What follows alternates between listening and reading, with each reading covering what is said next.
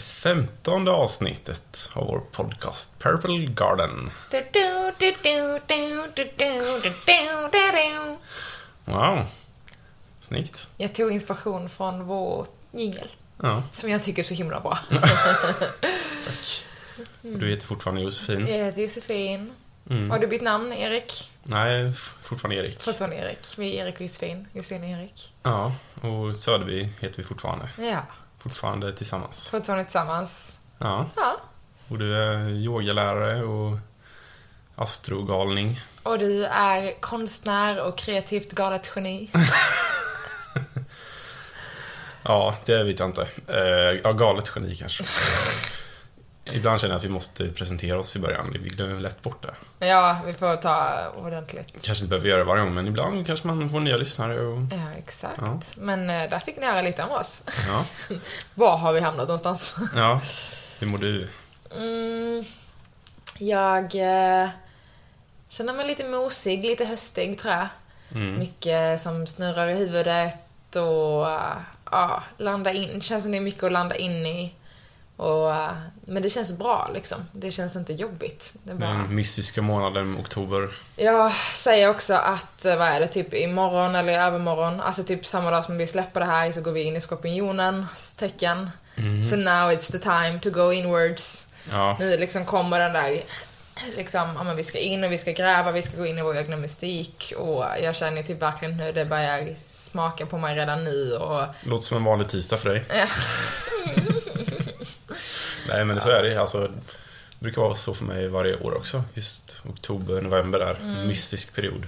Ja, verkligen. Det känns som det är så mycket saker i livet nu som, eh, som det alltid är av någon anledning liksom. Så bara landa i allt och se vad, vad blir nästa steg och det känns som att man aldrig får den där pausen. Och så känner jag så bara, ja men jag vill bara vara den där pausen och låta livet få rulla lite.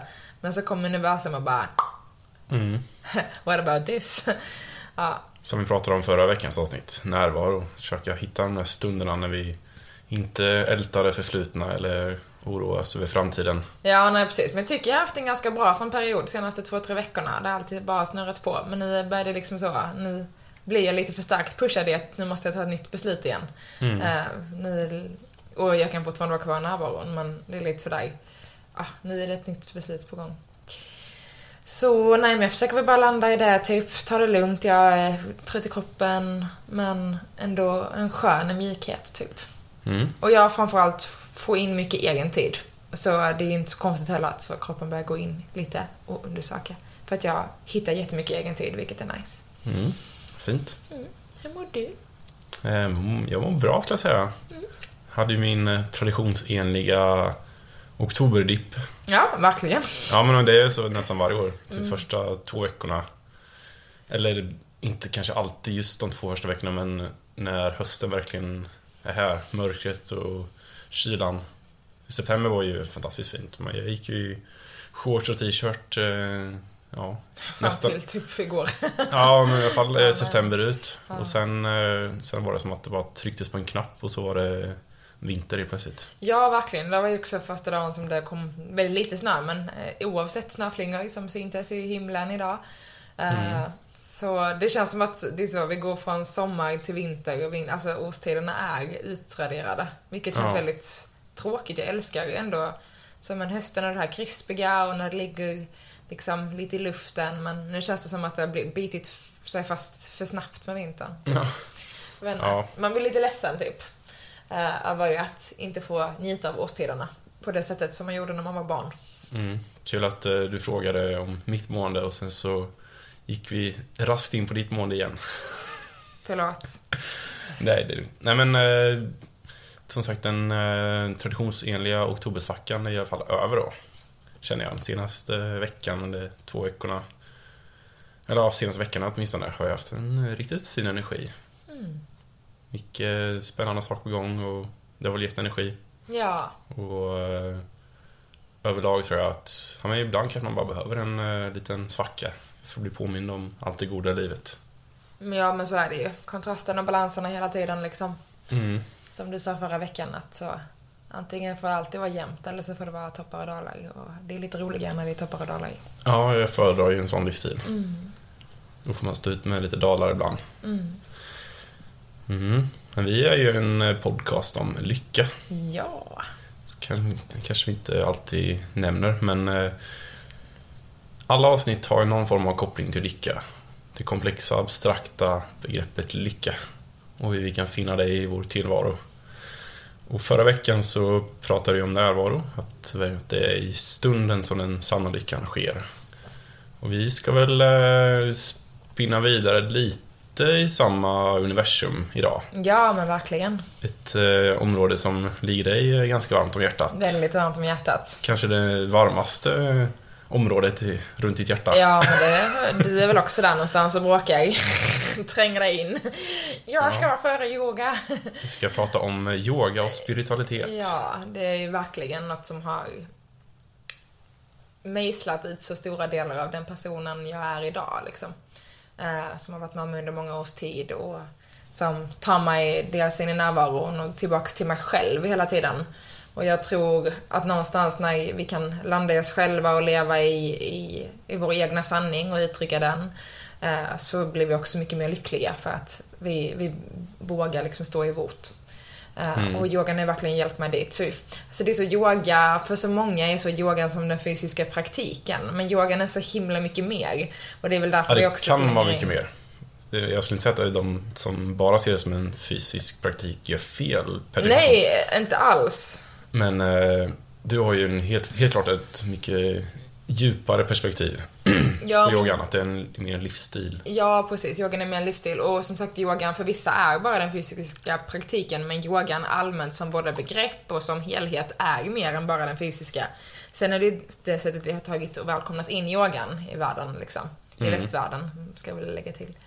Men, och det är väl, ehm, ja, får väl vända och vrida på det på olika sätt liksom. Men den fysiska praktiken är ju en väldigt fin väg in till yogan såklart. Det var ju så jag också började. Mm. Ska vi eh, göra som vi brukar göra Ja. och ta avstamp i eh, lingvistiken Mm. innan du snurrar iväg? För jag har en känsla av att du kommer göra det idag. Ja, du får eh, sätta stopp och bågar för mig. Mm. Kan jag också bara tillägga då precis innan vi går in att om man känner så I love this och man bara jag vill ha så mycket yoga jag kan i mitt liv då har ju faktiskt jag eh, haft en annan podcast som heter Landa på mattan. Eh, Mm. Och den är verkligen eh,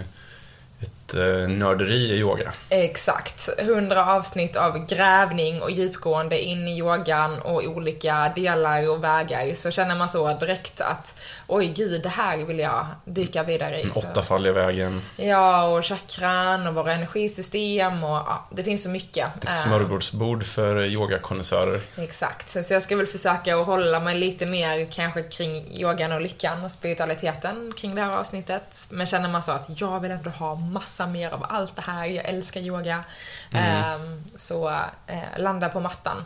Den finns ju kvar men den uppdateras inte. Men det finns som sagt 100 gosiga avsnitt att djupdyka ner i. men in till citatet. Ja, och jag har kollat upp eh, både yoga och spiritualitet och konsulterat vår vän Oxford Dictionary. Underbart. Vi kan börja med yoga. Så säger de att eh, yoga är en hinduisk, andlig och asketisk disciplin innefattande andningskontroll, enkel meditation och utförande av specifika kroppsställningar och är något som utövas på bred nivå för hälsa och avkoppling. Kan, var det en eh, lite fyrkantig definition av yoga? Ja, den var oerhört fyrkantig. Ja, den var väldigt, väldigt fyrkantig. Jag tror inte det sitter så många känslomässiga, spirituella människor på Oxford-kontoret. Nej. Så det här är en ganska så här, eh, ja, ja en fyr, lite fyrkantig, formell definition av yoga- kan man säga. Ja, den kändes oerhört så fack. Alltså det kändes som att den la yogan så, okej vilket fack tillhör yogan? Ja men yogan tillhör de här fem facken. Ja men då skriver vi om det. Lite så kändes den definitionen om jag ska vara helt ärlig. Eh, inte någon jag riktigt ställer mig bakom överhuvudtaget. Det var ju absolut vissa sanninghet i det men, ja. Men vi hoppar över till spiritualitet istället då. Och här såg jag att jag inte har översatt det. Låter dessutom trevligare på engelska, så jag tar det på engelska. Ja. Och de säger att spirituality is the quality of being concerned with a human spirit or soul as opposed to material or physical things. Alltså att, ja. ja, men det, är- alltså det Ja, är det ligger fortfarande, lite det. kanske lite platt och fyrkantigt, men det är Ja. fortfarande att man, det handlar om att eh, söka inåt. Alltså, ja. på själsliga och immateriella värden. Snarare än att fästa sig vid den yttre världen. Så det var Ja. väl såklart lite fint, men det var ju väldigt, ja, men så väldigt skrapa på ytan. Och som sagt, Mm. det var ju sanning i båda citaten och båda definitionerna, men det kändes väldigt liksom... Men det kanske också är för att jag är så himla djupt inne i det, men det är så om man, ja, om man är lite så här, men vad är yoga och spiritualitet? Och så får man det här till sig. Då är det, det är lite mjä, liksom. Mm. Ja. Det finns så mycket mer! Ja, men jag tänker vi börjar så fyrkantigt som möjligt här, så får du flumma iväg så mycket du kan innanför de här Ja, väggarna. ja, och jag känner att, att jag behöver liksom inte heller flumma iväg för det Mm. finns mycket, alltså, mycket fin fakta och mycket starka lärdomar som man kan stå i yogan som inte behöver vara flum liksom. För det är väl också något vi kan ta upp att det är så många, inklusive mig själv, som så, ah nej men du vet yoga och flummighet och spiritualitet, som att man nästan ska så jag vet inte, skämta bort det.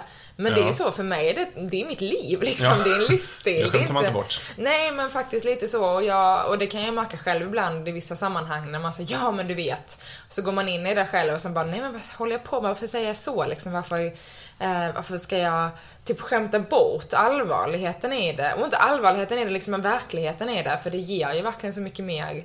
Eh, och sen att det kanske inte är så det traditionella för alla betyder inte det att det inte är liksom superstarkt och superfint. Ja, och en annan kul sak är att yoga oftast, eh, ofta kastas in i new age-kategorin. Och det är ju inte särskilt new age, det är väldigt old age. Det är väl, eh, vad är det, 5000 år gammalt? Exakt. Och det finns ju dessutom inte heller en specifik eh, tid på faktiskt hur gammal yogan är. Men de äldsta eh, texterna som man har kunnat hitta tillbaka till, de vediska texterna, eh, där ordet yoga nämns, de är ju 5000 år gamla. Men det kan lika gärna vara en 10 000 år i praktik eh, och filosofi som vi inte vet om. Ja, eller en miljon år. Ja, men exakt. Det, eh, Kanske folket före istiden sysslade med, det vet man aldrig. Ja, nej men precis. Men någonstans också så... eh, Något som är väldigt specifikt kanske för både yoga och spiritualitet i sammanhang är väl kanske kopplingen till energier. Mm. Ehm, på då en mer djup andlig nivå, eh, kanske man ska tillägga. För om jag går på en yogaklass en gång i veckan och har gjort det i några år och det är en bra träningsform för mig att stretcha kroppen och jag trivs i den stunden på mattan. Eh, så kanske liksom ordet energier fortfarande kan kännas lite så, vadå energier? Men tekniskt sett, om man ska bryta ner det väldigt, väldigt eh, liksom grundligt så energier finns ju överallt liksom. Einstein och Newton pratar jättemycket om energier. Det är inte något som är flummigt. Det är typ det mest grundläggande fysiska vi har på vår planet. Ja. Eh, vi har liksom, vi har rörelseenergi, vi har kinetisk energi, vi har liksom men allt som är runt omkring oss är energi. Sättet som, och nu pratar jag som sagt inte om den här flummiga energin. Nej, men alla människor utstrålar ju någon form av energi. ja, Det exakt. kallas ju utstrålning. Ja, men precis. Plus att man kan ju titta man på en människa i värmekamera så jag tror vi strålar ut 15 watt per person och sånt. Nu, nu tror jag bara några siffror som jag för mig att jag har hört, men det kan vara mer eller mindre. Så jag litar inte på den. Men tittar man på hur mycket faktiskt energi som strålas ut från kroppen, alltså så är det ju watt liksom. Vi avgör ju värme. Ja, Eh, ja koppl- det är bara att gå in på en eh, SL-buss i Julen liksom. Full, när den är full smockad med människor.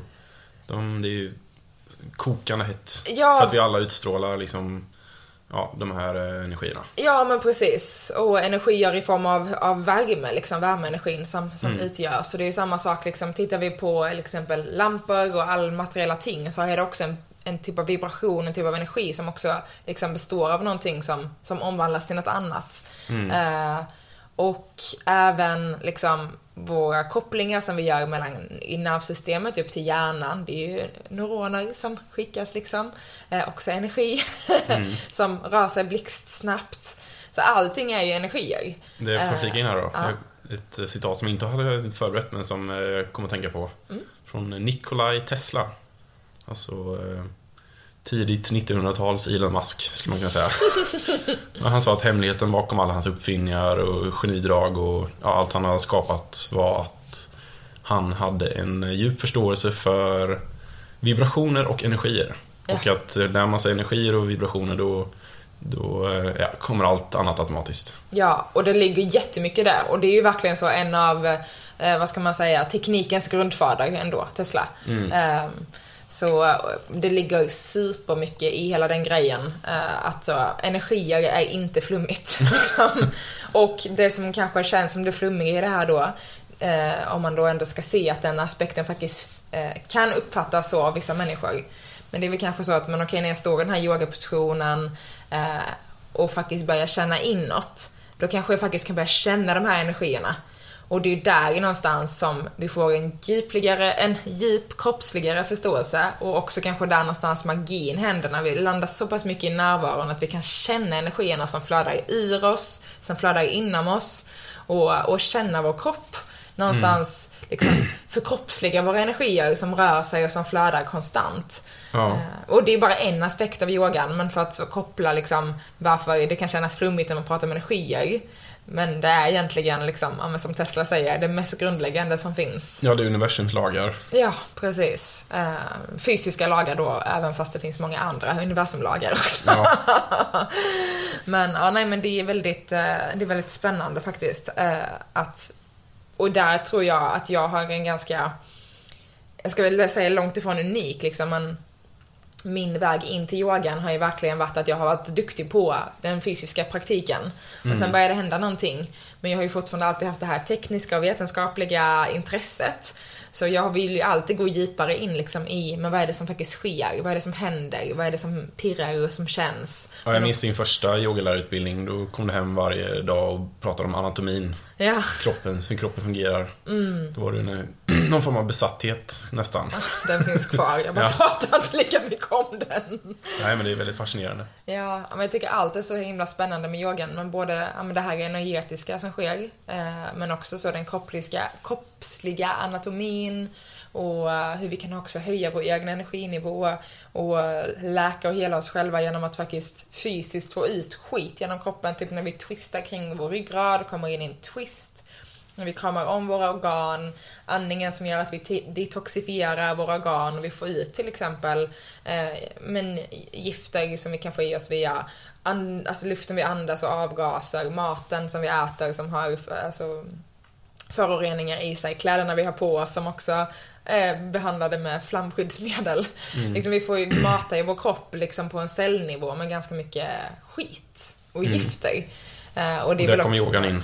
Ja, delvis liksom att, men det är faktiskt en, en läkande, så all typ av träning och svettas ut är ju eh, väldigt helande för kroppen. Men yogan tar ju det på en djupare nivå eftersom eh, också yogapositionerna är verkligen uppbyggda från den här energetiska energinivån liksom. Och den är så holistisk också. Jämfört med om man går till gymmet och tränar eh, rygg och biceps liksom. Exakt. Yogan tar verkligen hänsyn till alla små vrår i kroppen. Och närvaron. Ja. Och andningen är typ det Ja. mest eh, kraftfulla vi har liksom. Har, jag har ett eh, citat här då, som en annan definition på yoga som jag tror du kommer tycka om mer av. Åh, trevligt. Och det är eh, ingen kändis här, men den gör en, ja, i yogavärlden kanske han är känd. Jason Crandall. Ja, yogalärare och författare. anyway, jag tyckte det var ganska fyndigt formulerat. Ja. Eh, jag tänkte det här är ett Jossan-citat. Trevligt. The nature of yoga is to shine the light of awareness into the darkest corners of the body. Ja, vad det fint. känner jag verkligen när man, man blir eh, instruerad på mattan av dig. Att Mm. eh, du går verkligen in i varenda liten detalj i kroppen. Hur känns det i lilltån? Hur känns det i... Ja, så sätter du in olika kroppsbeteckningar. Eh. Ja.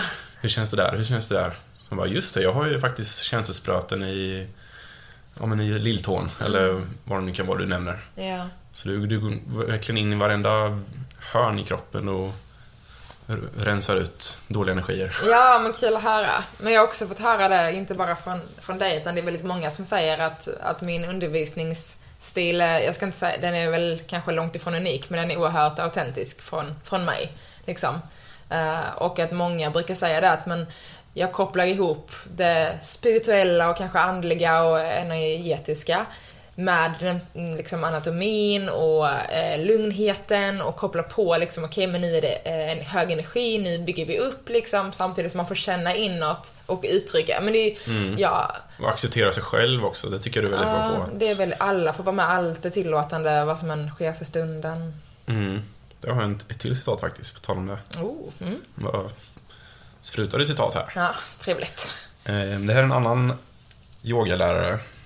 Nu kommer jag slakta namnet här. eh, Gur, Gurmuk Kaur Khalsa. eh, Jag tror inte du behöver säga det med sån amerikansk dialekt. Ja, nej, men hon, eh, ja. hon ser ut som en riktig yogaguru. Ja, men jag har läst eh, en bok av henne, den är helt fantastisk. känner Eller jag antar att det är hon som jag tänker, men... Ja. Hon säger Yoga handlar inte om självförbättring. Det handlar om självacceptans. Ja, alltså jättemycket eh, kan jag resonera med det. För det tycker jag verkligen du gör när du undervisar yoga. Att det är aldrig att du försöker pusha folk och bli bättre. Och, utan så här, lyssna in på din kropp. Hur känns det just nu? Eh, och sen följ, följ din egna kropp liksom. Och dina egna känslor och fysiska... Förnimmelser, Ja, med fysiska begränsningar. begränsningar, Ja. ja gud ja. Alltså det är så, för, för mig är det så viktigt att yoga ska vara för alla. Mm. Och det har jag också fått höra, jag får ju, det är ju faktiskt jättekul att, att våga till och med sitta här och säga att jag är en, jag är en jätteduktig yogalärare, jag är faktiskt det. Och jag får bekräftelsen på det och nu kan man tycka oj vad hon är töntig och osvensk och sitter där och säger att hon är en grym yogalärare. Men ja, jag är det. Jag är Ja. stolt över den yogaläraren jag har blivit och den jag utvecklas till för varje pass jag håller.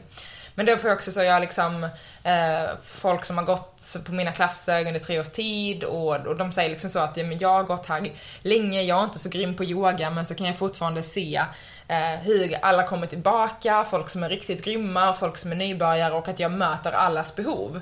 Och att det finns utrymme att för den som har yogat i 15 år att gå djupare in, men det finns också utrymme för den som står på yogamattan för första gången att få lära sig. Så där har jag fått höra att jag är oerhört tillåtande i min undervisning som också når många nivåer. Ja, men verkligen. Till och med kylskåp som mig själv här. och jag minns hur vi körde mycket yoga för några år sedan. Jag har varit dålig på sistone med det. Men eh, då blev jag ju väldigt vig och väldigt närvarande. Och harmonisk. Jag tror, även om jag inte gör det så mycket längre, så tror jag jag blev en harmonisk människa när jag började med det här och sen fortsatte vara det. Ja. Det men det är så, jag menar, se på mig. Ja. Nej men jag tror också som du skulle fortsätta med yogan skulle du komma ännu djupare in i det kroppsliga liksom och in i dig själv och närvaron. För det, alltså jag menar, folk som kände mig för tio år sedan, eh, jag hittade yogan för elva år sedan, men då var det en kroppslig praktik för mig för att jag var vig. Eh, Du hittade mig för. 11 år sedan också. Ja, jag hittade dig i yogan samtidigt. Men jag är ju en helt annan person idag. Alltså det går inte ens att jämföra personen jag är idag. Och det är intressant att utreda det, hur mycket som beror yogan och hur mycket som beror mig. I och med att det skedde samtidigt. Ja, ju absolut. Eh, Jag kanske är din yoga. Fast jag kan ju fortfarande se så stora punkter i livet där jag, en sak kom in i yogan som skiftade för mig. Ja. Men ja, du har ju också absolut påverkat mig jättemycket. Men du var ju också en helt annan person för tio år sedan. Ja, jo. Men det jag ville säga är i alla fall att, att men yogan kan verka på så många olika nivåer, men det den framför allt har gett mig är ju en, en egen form av acceptans till mig själv. Eh, som jag också då lär ut på mattan. Men jag tycker så, men att, att kunna hitta acceptansen i yogan och acceptansen till kroppen, måendet för stunden i närvaron. Alltså där någonstans händer det någonting. Eh, kanske speciellt liksom som, inte för att män inte har det liksom, men som kvinna så jag kan ju fortfarande så, aha, gud jag mår så här för att jag är där i min cykel nu eller ja men jag måste där för att jag mötte den konflikten eller det motståndet. Men att det kan också ändras två minuter senare när jag tar tre djupa andetag. Och att hela tiden landa i den acceptansen av att men jag kan alltid förändra mitt mående, men jag måste också acceptera att mitt mående är som det är i stunden. Att så, okej, men nu är jag i den där svackan och det är helt okej. Men jag vet att också att imorgon eller liksom om en halvtimme så kan jag vara pigg. Och det kanske är väldigt tydligt för mig som har en oerhörd eh, volatil en oerhörd volatil humör och känslobana. Ja, den, är, den går upp och ner. Det går så mycket upp och ner. Men det kanske också är för att jag så hittat acceptansen att så, men Det kan ändra sig. Alltså jag menar, ta vädret idag. Det var grått i morse och sen kom det lite regn och sen kom det lite snö och nu är det solsken. Alltså jag menar, vädret ändras ju. Varför skulle inte vårt inre väder kunna ändra sig? Nej, precis. Också att du kanske tillåter dig själv att ha svackor, till skillnad från för tio år sedan. Då. Ja. Att eh, du kanske mådde exakt likadant för tio år sedan, men att du inte släppte fram jobbiga känslor och tillät dig att hamna i svacka. Ja, nej gud, jag visste inte ens vad känslor var. Och det är väl också något yogan har lärt mig att, att ja, men hitta en större, liksom, dels ett större känslospektra och en större acceptans både för kropp och själ och sinne liksom. Mm. Eh, men kanske framförallt att så, man hamnar mer i en harmoni och inre balans. Eh, och det kan jag ju se hos så många också som jag pratar med som så, när jag pratar om vad yogan har gett dem så handlar det också mycket om det där, så, ah, men stunden får vara lite närvarande liksom. Um, Mm. Få känna in lite. För mig var det ju verkligen en katalysator för kreativitet också. Mm.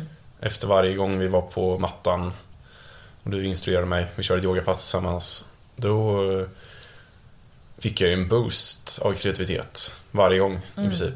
När vi då i shavasana. Så då bara flödade idéerna. Och sen eh, ja, efteråt gick jag alltid och ställde mig vid duken eller satt mig i musikstudion. Mm. Och så var det som att jag blev renad eller frigjord från någonting, kanske.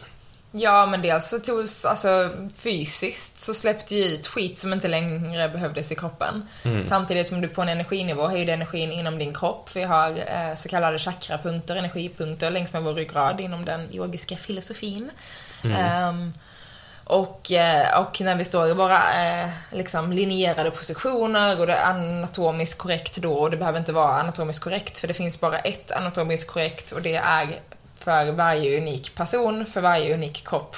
Så det finns ingen hund som ser likadan ut, det finns ingen krigare som ser likadan ut utan det är så vi har alla våra olika anpassningar för att hitta vår korrekta positionering, vill jag verkligen också understryka. Jag tror också något jag pratar mycket om i mina klasser liksom. Ja, det är du väldigt duktig på att nämna. Ja, eh, men också att så, men efter en klass så har du fått den här energihöjningen för att du har liksom fysiskt liksom sträckt ut kroppen, andats och fått igång liksom, liksom din inre energi.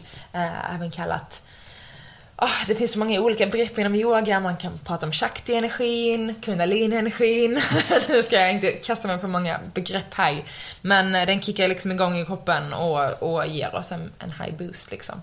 Jag menar, efter ett yogapass, alltså jag vågar ändå påstå att 90% av alla människor är lugnare och mer energifyllda. Ja, eh, tittar man omkring sig på dina yogapass då ligger folk och är... Ja, vad ska man säga? Små lamm. Som att alla bekymmer i världen har försvunnit. Ja. Åtminstone för tillfället. Ja, men precis. Och att det kan få vara så för stunden. För också någonstans där kanske vi går till yogan för att få den där timmen av bara varande. Ja, för om jag inte andas, om jag inte känner min kropp, men då kommer jag trilla, då kommer jag inte orka stå i positioner och då har vi ju tappat hela delen. Det tror jag också är en stor del av yogan som gör att vi faktiskt kan eh, liksom uppskatta den så pass snabbt. Alltså, men om jag står i min balansposition och är någon annanstans i tanken, då trillar jag och då är det inte kul. Så då tvingas jag in i att liksom vara i närvaron, lyssna på kroppen och känna in. Och det sker något skifte där alltså. Och det är så, du sa innan det här med att jag aldrig pushar in prestation i yogan och jag försöker undvika det så mycket som möjligt. Samtidigt som det är sjukt kul att gå djupare in i positioner och avancera, för att det händer ju någonting i kroppsligt liksom. Men att verkligen tillåta sig att så att, att få utforska positionen från en närvaro. Mm. Eh, och att det är där någonstans det händer. Det handlar inte om när vi kan, jag vet inte, vad är vår djupaste bakåtböjning eller när vi kan stå på händer. Men, på, men det är kul att testa. Och det är kul att våga sig in i det. Och det sker någonting på vägen när vi utmanar oss på en acceptansnivå. Men så, nej men jag orkar faktiskt inte göra en djup bakåtböjning idag. Då skiter jag i det snarare än att jag ska prestera mig in i någonting. Eh, och det är inte, alla verkligen pratar inte om det i sina pass. Och jag vet många yogalärare som är jätteduktiga yogalärare men som inte har den, den filosofin eller synsättet. Men det gör inte dem till dåliga yogalärare eller dåliga yogapraktikanter. Men för mig är det en sån stor del av liksom, yogans utveckling till den här livsstilen som det har blivit för mig. Liksom. Mm. Vad har det för koppling till lycka då? Vi är ju en podcast om lycka. Yoga är lycka! När man blir så lycklig. Ja. Nej men dels är det ju den här närvaron som vi pratat om under förra veckans avsnitt. Ehm, vi skapar nya kopplingar i hjärnan. Eh, och, och vi, vi matar liksom vårt nervsystem att landa i det parasympatiska i lugn och ro och få samtidigt de här energiboostarna, vilket gör att vi får jättehärliga eh, kopplingar i hjärnan. Fina utsöndringar av serotonin och eh, Endorfin. endorfin, exakt. Så, och det är väldigt, eh, en väldigt spännande, ytterligare en väldigt spännande grej som sker just i yogan om man jämför med alla andra träningsformer.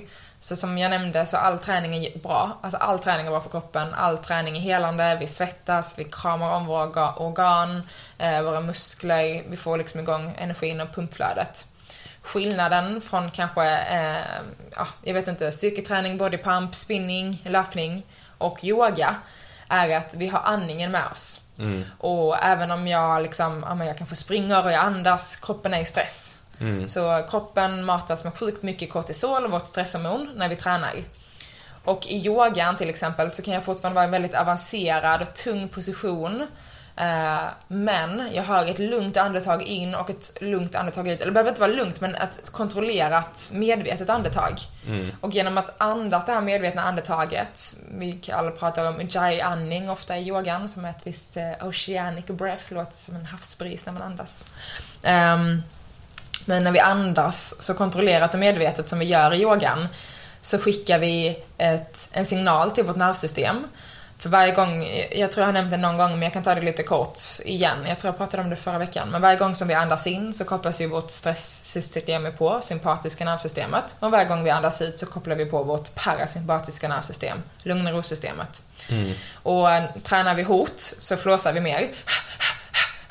Jag får inte in så mycket andning. Eh, förlåt, tvärtom. Jag får in väldigt mycket luft men jag andas inte ut så mycket. Så automatiskt är jag väldigt påkopplad i mitt stresssystem. Vilket det blir också, vi pumpar musklerna, vi kör liksom. Men det är en jätte... Jag gjorde väldigt härliga kroppsliga rörelser där för jag som inte ser oss. Eh, Men vi får ju en oerhört eh, starkt stresspåslag i kroppen som jag har sagt säkert fem gånger nu. Mm.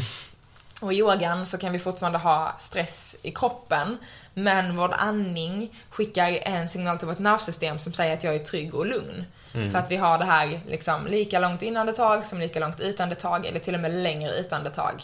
Så antingen har vi ett balanserat nervsystem eller ett lugnare nervsystem än vad vi har i all annan träning. Mm. Så det är som att så, kroppen är stressad, men vi skickar signaler till vår hjärna att jag är trygg, jag är lugn. Och där sker det en helt otrolig magi som gör att liksom, en stressig situation på jobbet kan jag hantera mycket bättre. Eh, för att kroppen lär sig det här. Alltså, Mm. Så småningom så blir det en sån naturlig del av kroppen att men jag är stressad fast jag kan vara lugn ändå för att jag har lärt mig det. Eh, istället för att vi ska spänna och liksom bita ihop och sådär. Eh, men det tar ju såklart praktik, precis som vi pratade om eh, med att bryta vanor eh, och hitta nya mönster. Alltså vi måste praktisera det här för att göra de här nya kopplingarna i hjärnan. Mm. Men när vi väl har gjort de kopplingarna, jag kan till exempel vara i en mm, yogaposition som kallas båten, navasana, där man sitter på sina sittben, armarna är sträckta framåt, benen är sträckta framåt och man ser ut som ett, ett V, princip. Eh, sjukt tuff för magen. Ja. Men jag kan bara sitta där och bara andas, säkert två minuter. För att jag har tränat upp det och det var skitjobbigt när jag började träna upp det här. Det var ju min 300 timmars utbildning, skulle göra det två, sex minuter varje dag. Under ett Ja. halvårs tid. Ehm, men nu kan jag göra det. Jag kan komma in där, jag kan sitta och ha konversationer i den positionen. För att kroppen har helt plötsligt hittat att så, okej, men jag behöver inte vara stressad här. Vad ska jag vara stressad för här? För att jag har liksom lärt den att det är, det är lugnt, jag är trygg. Jag har Mm. valt själv att ha den här stressfulla situationen för min kroppsliga, liksom på en kroppslig nivå. Men andningen tar mig till ett lugn. Vi skulle kunna prata i... Ja, jag känner dagar det. här? Ja, alltså jag älskar, jag kanske får ta upp min landa på mattan. Jag, ja. jag kan ju flika in att jag... När, du, när du säger det här så känns det som att jag har tagit med den yogiska mentaliteten in på gymmet numera. Den är yogisk styrketräning. För jag är väldigt fokuserad på andningen när jag tränar numera. Att jag liksom andas in. Nu ska vi se hur det blir. Om jag står, exempelvis står med en skivstång. Alltså när jag släpper tillbaka den så andas jag in. Och sen när jag ska dra upp den så andas jag ut. Så att det blir ett naturligt flöde. Och jag känner också att jag blir så här, mitt nervsystem blir mycket lugnare. Och när jag utsätts för stressiga situationer så behåller jag lugnet och är ganska, ja, går inte upp, kommer inte upp i varv och allmänt eh, ja, lugnare i kroppen. Ja, hela du är ju en yogi. hela ditt väsen är så yogiskt. Du är ju en Mm. väldigt lugn människa som inte stressar upp dig i onödan. Liksom. Du är väldigt närvarande. Eh, ofta. Ja, framförallt när jag har mina perioder när jag går till gymmet mycket och får ut allting. Ja, ja, men det är så. Jag menar, du oroar dig väldigt sällan så djupt in i framtiden eller ältar i dåtid. Eh, Du är ju en närvarande person, du vill inte boka in för mycket för du vill ta dagen som den kommer av anledningen att så mår jag inte hundra så vill jag kanske inte göra det här liksom. Om jag är trött så vill jag vila. Mm. Så du har ju liksom hela ditt väsen bara utstrålar ju det. Eh, vilket är fantastiskt att leva med. Det har varit jätteutmanande men jag har ju lärt mig jättemycket av det också såklart. Så det är inte bara yogan som har gjort mig harmonisk. Ja. Nej men det är en väldigt, alltså nej jag kan ju verkligen prata om det här i, alltså inte ens timmar utan typ dagar och Veckor, veckor. år. Ja. Eh, Det är liksom svårt att backa och hindra mig själv och det här är bara en så liten, liten del av allt.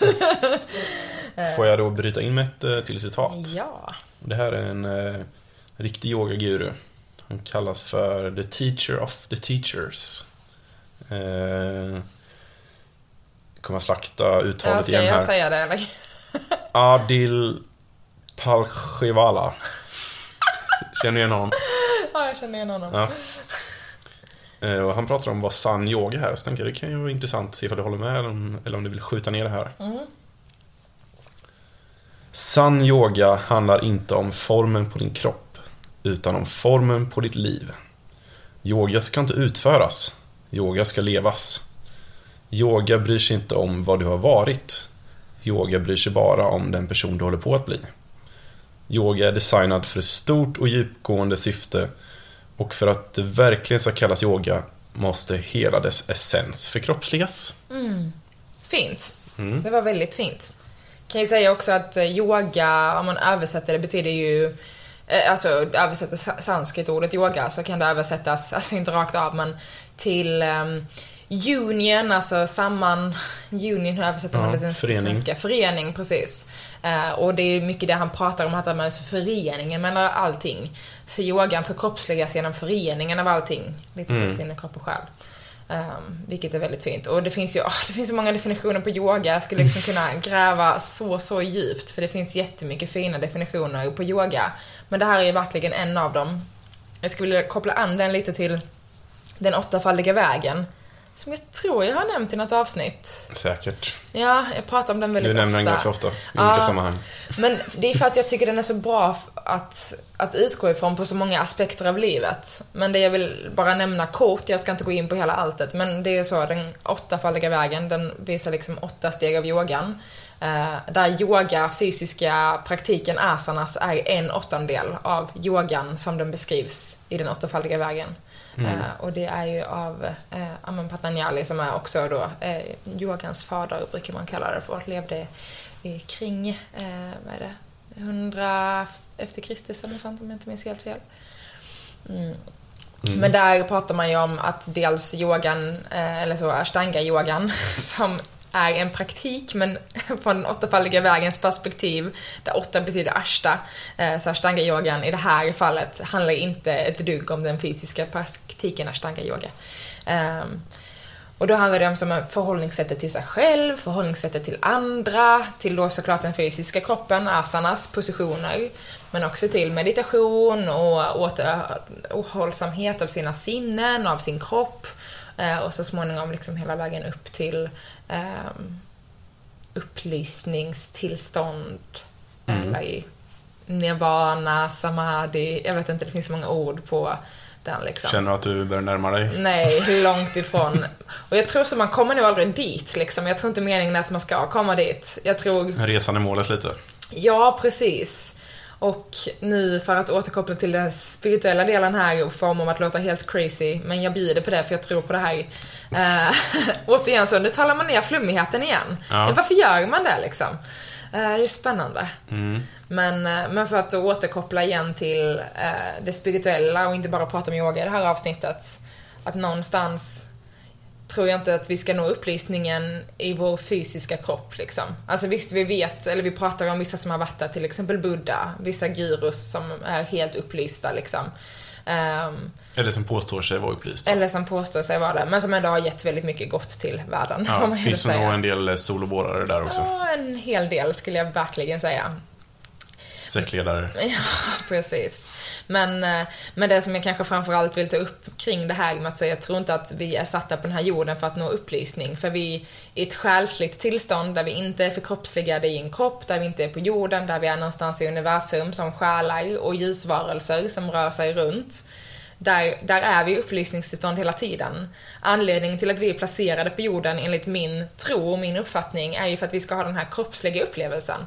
För att vi ska kunna njuta av att vara i en kropp, för att vi ska kunna smaka smaker och äta mat och ja, men njuta av liksom både med sex och beröring och Känna naturen. endorfinerna som rysar. Ja, men precis. Och Alltså, serotoniner som poppar. Ja, och också såklart motståndet till det. Att få känna hur det är att möta motstånd, att känna det svåra, liksom, hitta kontrasterna.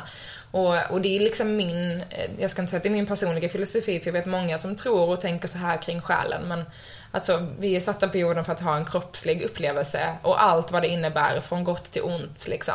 Eh, från ljus till mörker. Men när vi är upplysta så är vi ju bara ljuset och då behöver vi inte vara på jorden längre utan då kan vi vara den här rena ljusvarelsen eller själen som fladdrar runt i någon typ av annan dimension som inte är 3D liksom förkroppsligad. Eh, Ja. jag lyssnar ju på väldigt mycket spirituella podcasts och är väldigt insatt i det här ämnet och gräver djupt. Jag tycker ju det här är jättespännande. Eh, och jag ska verkligen inte tala ner det, för detta är vad jag tror på och folk kanske inte ens har någon aning om vad de tänker på vad själen är liksom. Eh, och kanske inte alls resonerar med det jag säger. Men vad, vad tänker du att själen är? Jag tänker, men jag tänker att vi kan eh, göra ett, ta en paus här. Ah. Återkomma efter 45 sekunder med Seven Camels och bryta ner lite vad vi tror spiritualitet är. Ja. Vad själen är. Ja. För jag kommer att ha lite mer, kanske lite mer praktiskt tillämpbara definitioner än vad du har. Det låter bra. Du är ute i universum. Jag är ute och flyger, ja. Ja, Mm. jag kanske har lite mer eh, handfasta formuleringar. Ja. Men eh, vi gör som vi brukar då, ta en Ja. liten paus. Mm, vad ska vi lyssna på? Eh, jag tänker att det kanske passar sig bra med låten Soul Searching. Mm, Som jag skapade när jag gick igenom en period med mycket själasökande. ja. Förra, ja det var ju i princip förra hösten. Den mystiska perioden. Exakt.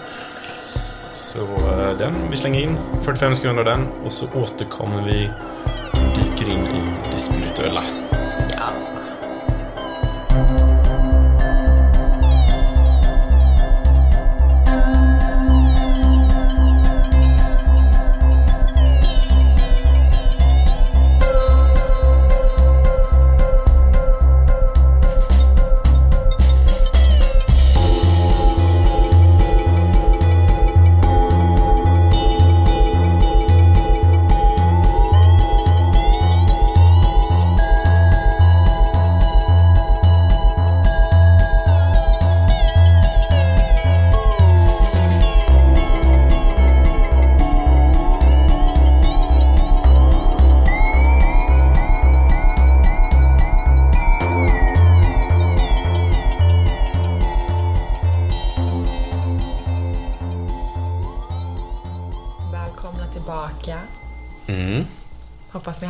Trevlig soul searching, soul searching stund, 45 sekunder. Mhm, kanske själva besökte er själ lite. Exakt. Mm. Ja, ska vi eh, vända blad och ge oss in i den spirituella världen? Ja, Den är ju såklart eh, nära förankrad med yogan, men jag tänker spiritualitet eh, kan ju också frikopplas och vara något annat än yoga. Och för mig personligen så handlar det väl om att söka inåt, känna inåt. Försöka stänga ut eh, världens alla distraktioner och ja, besöka sin, sitt inre helt enkelt. Vad, vad är det jag mår bra av? Vad är det jag blir lycklig av? Vad, vad är det jag blir ledsen av? Vad, ja, vad är det som får mig och vad är det som driver mig framåt? Det är väl egentligen spiritualitet för mig tror jag. Om man ska hårdra det. Mm. Och du frågade innan vad, vad är själen för någonting? ja det är ju också ett helt eget avsnitt. Ja, men eh, om vi skrapar lite på ytan så, jag tror vi pratade om det här tidigare, men jag ser ju själen lite som en, eh, någon form av energiidentitet. Eller någon, någonting djupt där inne som eh, för mig är ganska oföränderligt över en livstid. Att man, man får en själ man föds som kanske har eh, varit i någon annan situation tidigare, det vet man inte. Men eh, att eh, den är konstant hela livet. Och att det handlar om att hitta den. Mm. Det är mycket brus i vägen. Gud är det ja. Väldigt Ja. mycket brus. Och är, vissa hittar den aldrig, vissa hittar den jättetidigt. Och för mig tror jag jag hittar den ja, men nu på senare år. Vad är det som gör mig lycklig? Vem är jag? Vad, och får mig att gå upp på morgonen. och just ja, det fria skapandet såklart, stor del av det. Och sinnliga, själsliga upplevelser tillsammans med andra. Ja, det finns ju mycket jag tycker om, men jag, för om man ska jämföra med Visheim-tiden, alltså när vi drev vår startup. Så utåt sett så lekte livet för oss. Vi var ju the up and coming eh, startup som tidningarna ville skriva om och vi blev inbjudna till alla möjliga grejer. Och vi nådde en hel del framgångar och livet bara flöt på. Men jag kände alltid någon naggande känsla av att det inte var äkta. Mm. Eller att jag på något sätt satte på mig en mask eller levde en karaktär. Och jag kunde inte riktigt sätta, sätta fingret på det var just då, men nu så här, i efterhand har jag förstått det. Att det var ju att jag var inte mig själv. Jag, jag byggde en karaktär för mig själv och så trodde jag, eller så använde jag den karaktären så mycket så att den blev mig själv. Men ja, när vi la ner företaget så jag började utforska mina mina kreativa sidor mer med målningen, musiken och ja, den typen av grejer så känner jag att men nu, nu lever jag, nu är jag mig själv. Jag har hitt- hittat den sanna versionen av mig själv. Så det är väl lite spiritualitet för mig och vad själen är. Mm. Vad skulle du säga? Vad spiritualitet är för mig? Ja, eller allmänt, vad, vad är en själ? Ja, men jag tyckte det, du, alltså du satte det väldigt fint där liksom. Alltså verkligen så söka det där inre och eh, men hitta sig själv. Och jag tror, jag pratar väldigt mycket om att men hitta hem, pratar jag väldigt mycket om. Det här med att uttrycka sin sanning. Home is where the heart is. Ja, inte riktigt så kanske, men, men, att så, men att hitta hem för att känna sig själv på insidan och förstå sig själv på insidan. Eh, och jag tror att det är varken kroppsligt eller sinnligt vi kan känna det, utan det är själsligt liksom. Mm. Eh, så det är väl, och väldigt mycket det du sa liksom att, att ja men, fast för mig då handlar det om att som en, uttrycka den där inre sanningen som är själslig och eh, någonstans också för mig tror jag verkligen så själen sitter på alla svar.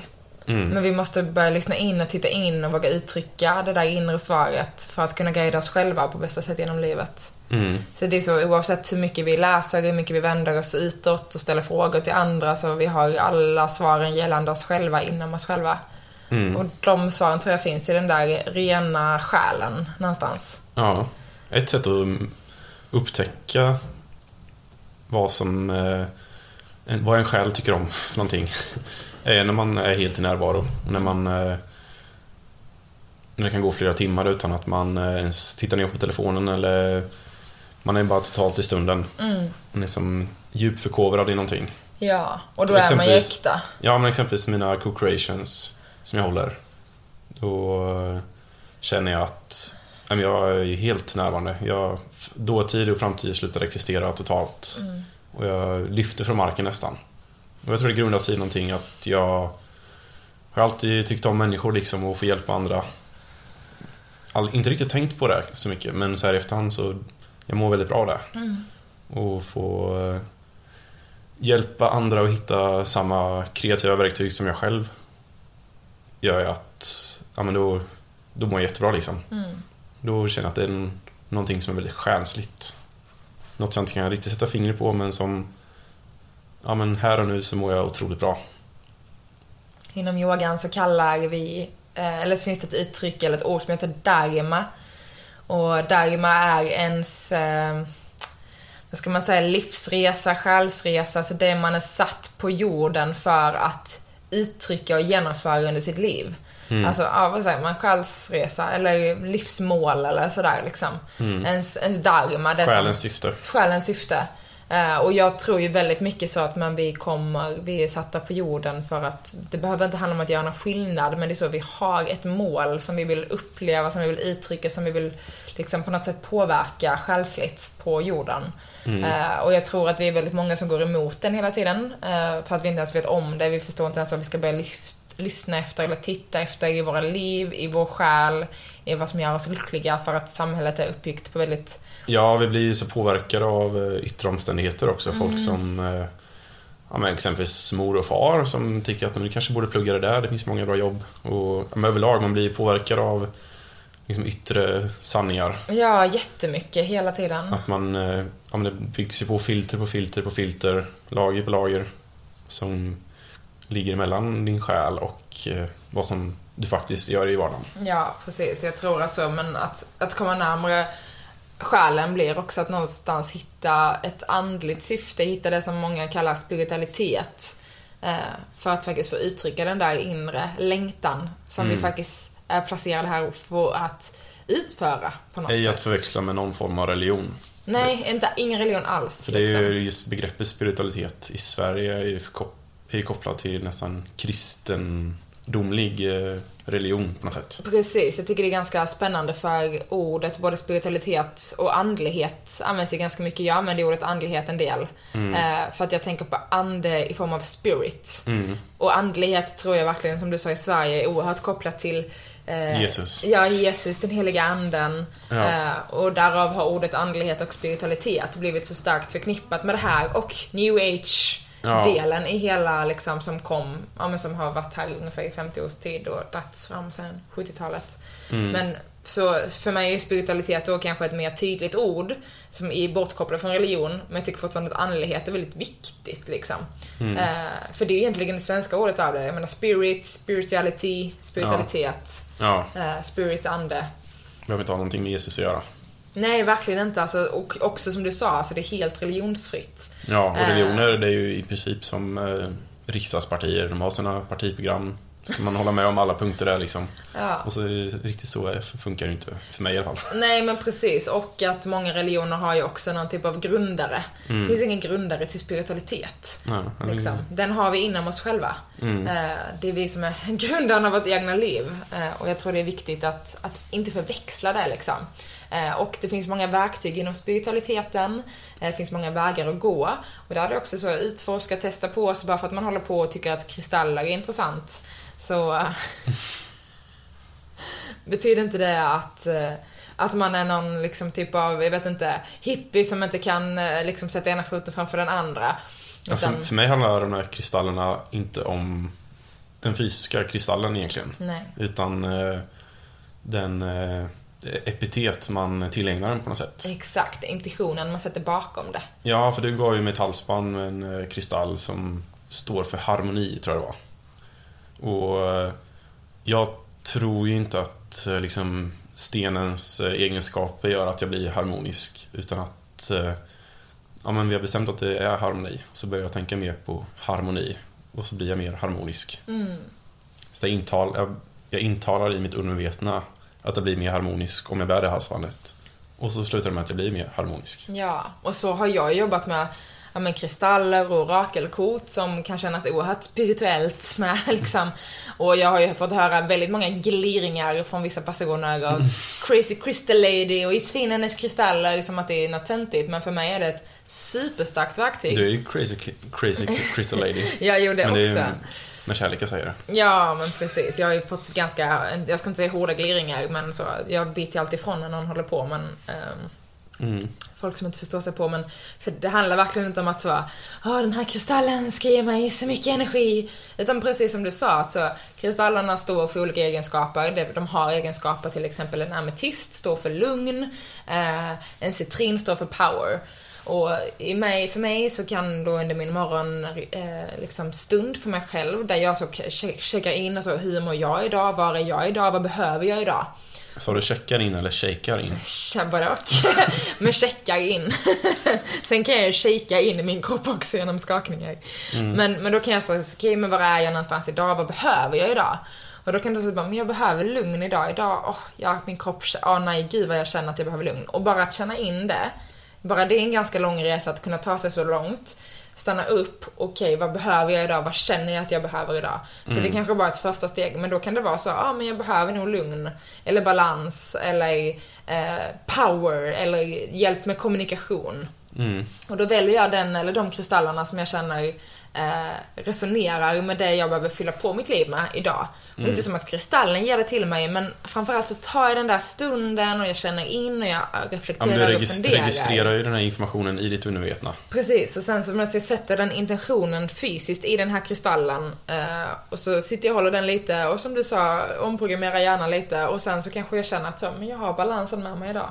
Och det är samma sak när jag drar eh, kort ur en orakellek liksom. Vad ska man säga, om du aldrig har hört ordet innan så det är som en, en kortlek med olika kort som har olika budskap till, till sig liksom, eller i sig. Och då kanske jag så ställer frågan på morgonen, vad behöver jag, vad ska jag tänka på idag? Som att jag skickar ut en fråga. Jag drar ett kort och det sättet jag reflekterar och läser det här kortet, oavsett om jag läser rakt av vad det står, så kan jag alltid applicera den här texten och innebörden på där jag är i mitt liv just nu. Så där hittar jag svaren inom mig själv och som att jag guidar mig själv. Det är inte orakelleken som guidar mig eller budskapen. Utan det är så hur jag kan associera där jag är i mitt liv med det här budskapet.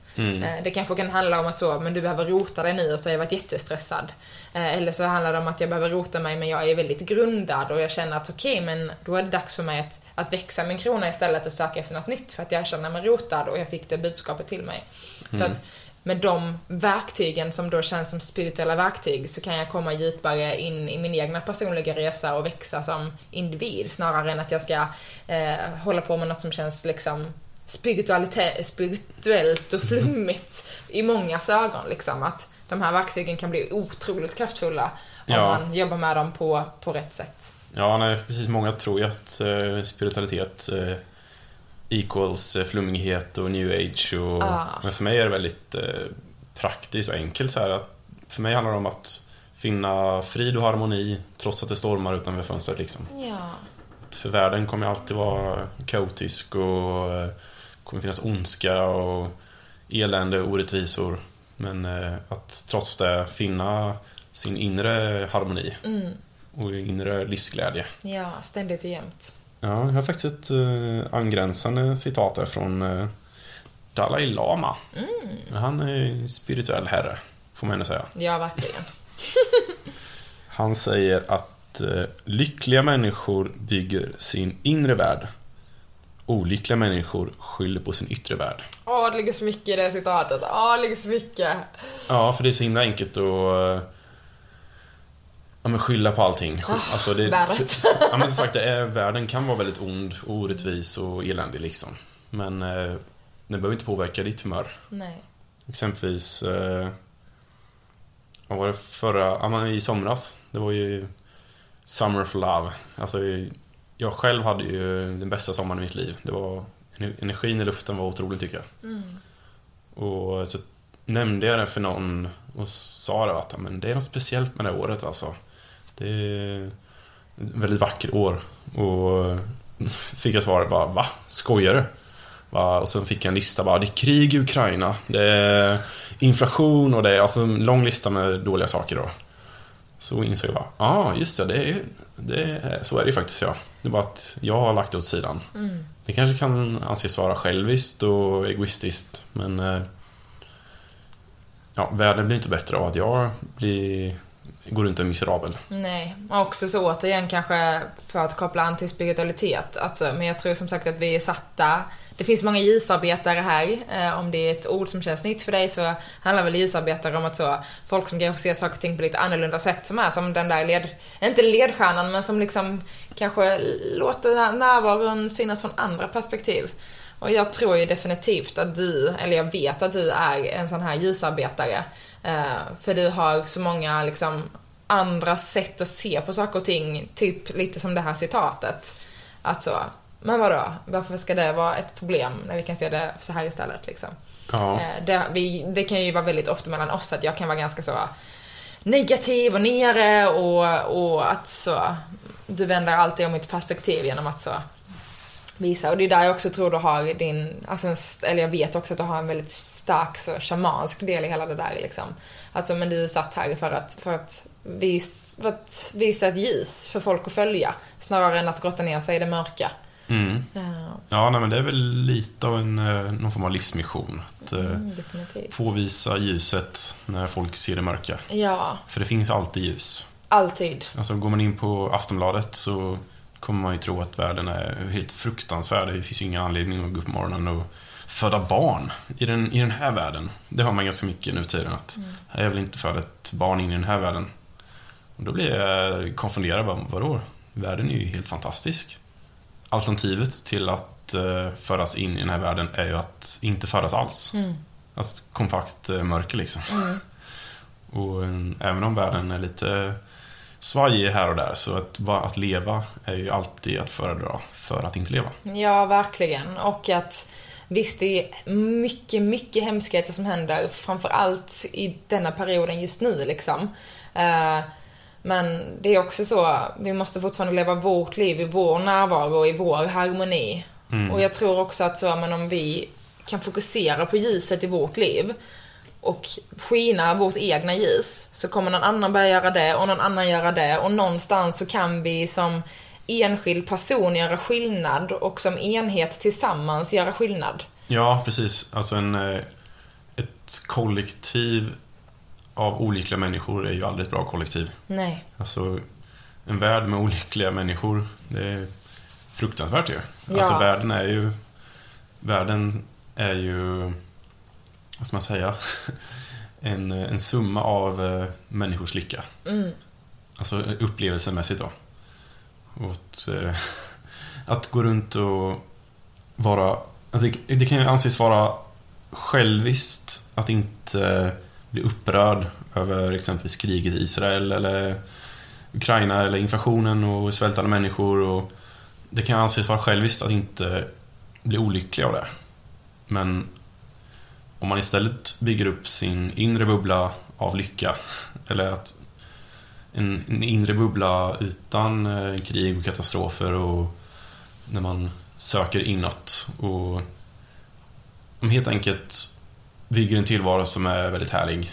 Då kommer man ju sprida det vidare till andra människor. Mm. Och ja, men lycka är ju smittbart liksom. Ja. Och jag tror det är jätteviktigt och det är också en så stor del både varför Dels varför jag undervisar yoga, varför du håller co-creations och delar med dig av målning och kreativitet. För att vi vill ju skapa den här skillnaden hos folk. Vi vill vara inne där och påverka det lilla, lilla vi kan i dens liv liksom.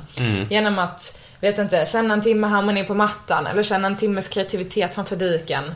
Och därifrån kanske den personen tar med sig någonting som den skickar vidare till nästa och till nästa och till nästa. Det är så, visst vi kan inte göra skillnad själva för allt, men tillsammans kan alla göra lite skillnad och vilken skillnad vi kan göra då.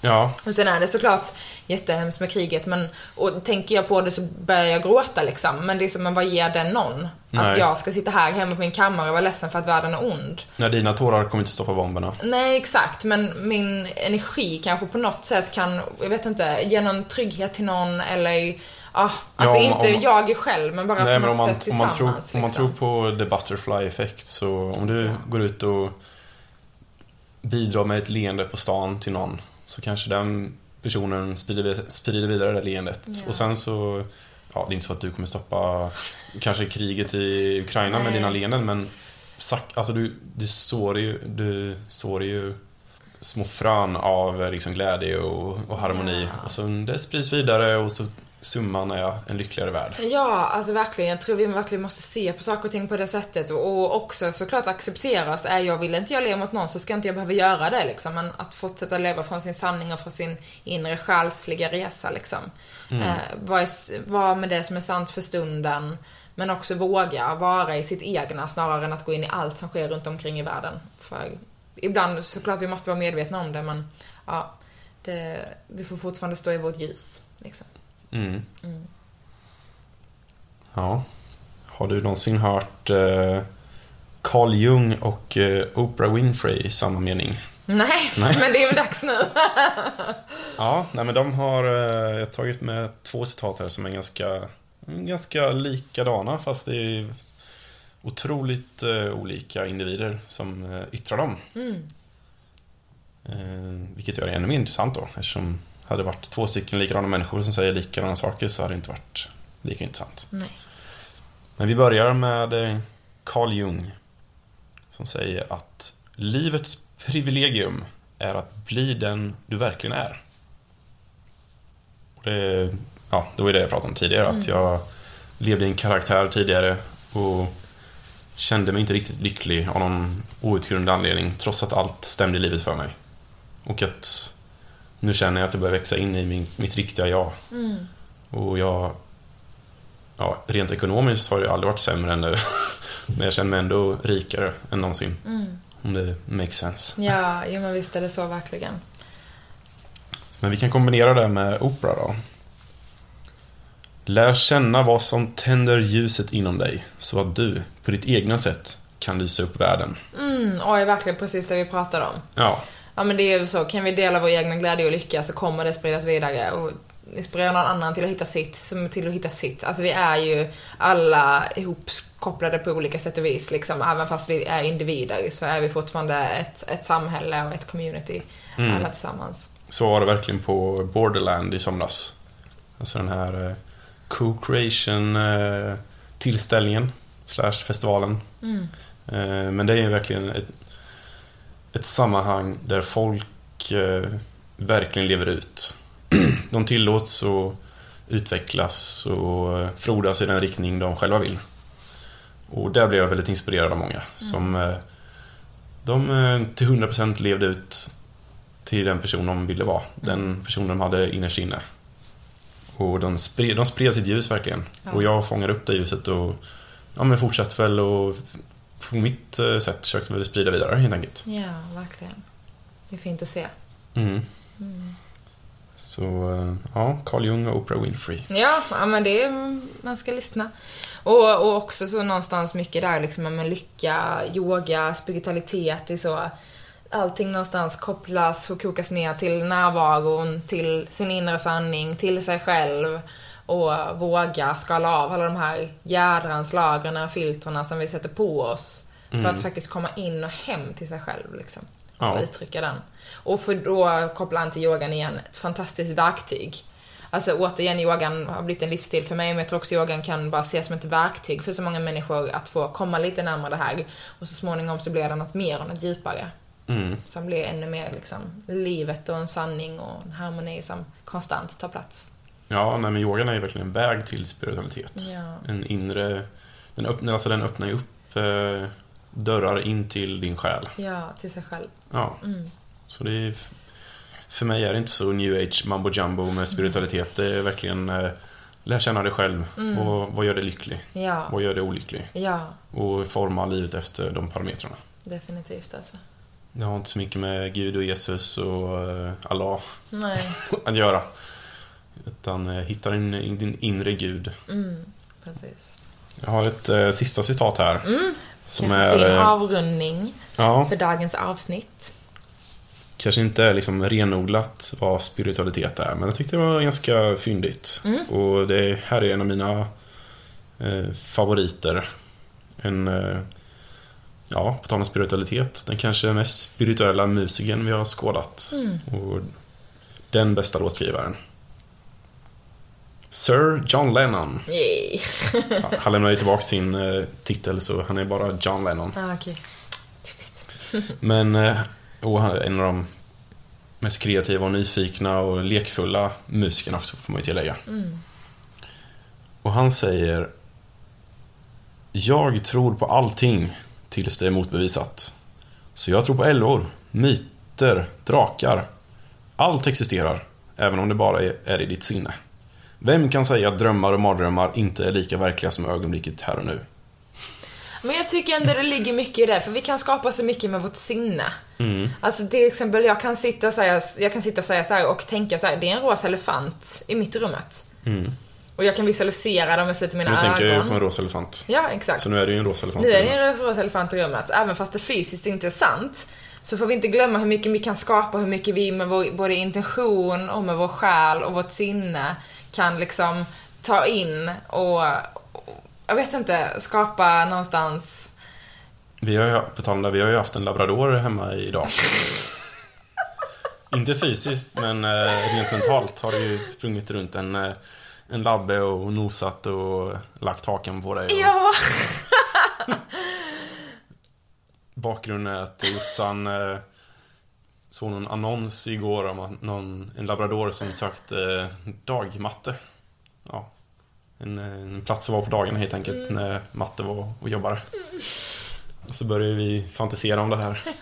Så och idag känns det som att det har sprungit runt en labbe här. Ja, verkligen. Ja.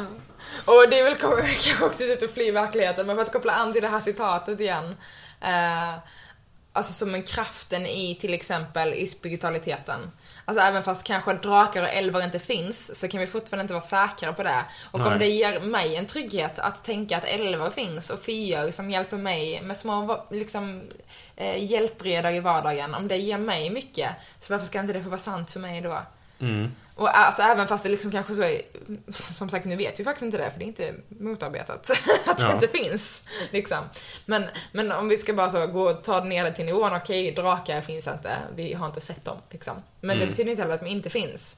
Och någonstans också att så, att våga ta hjälpmedel inom det spirituella.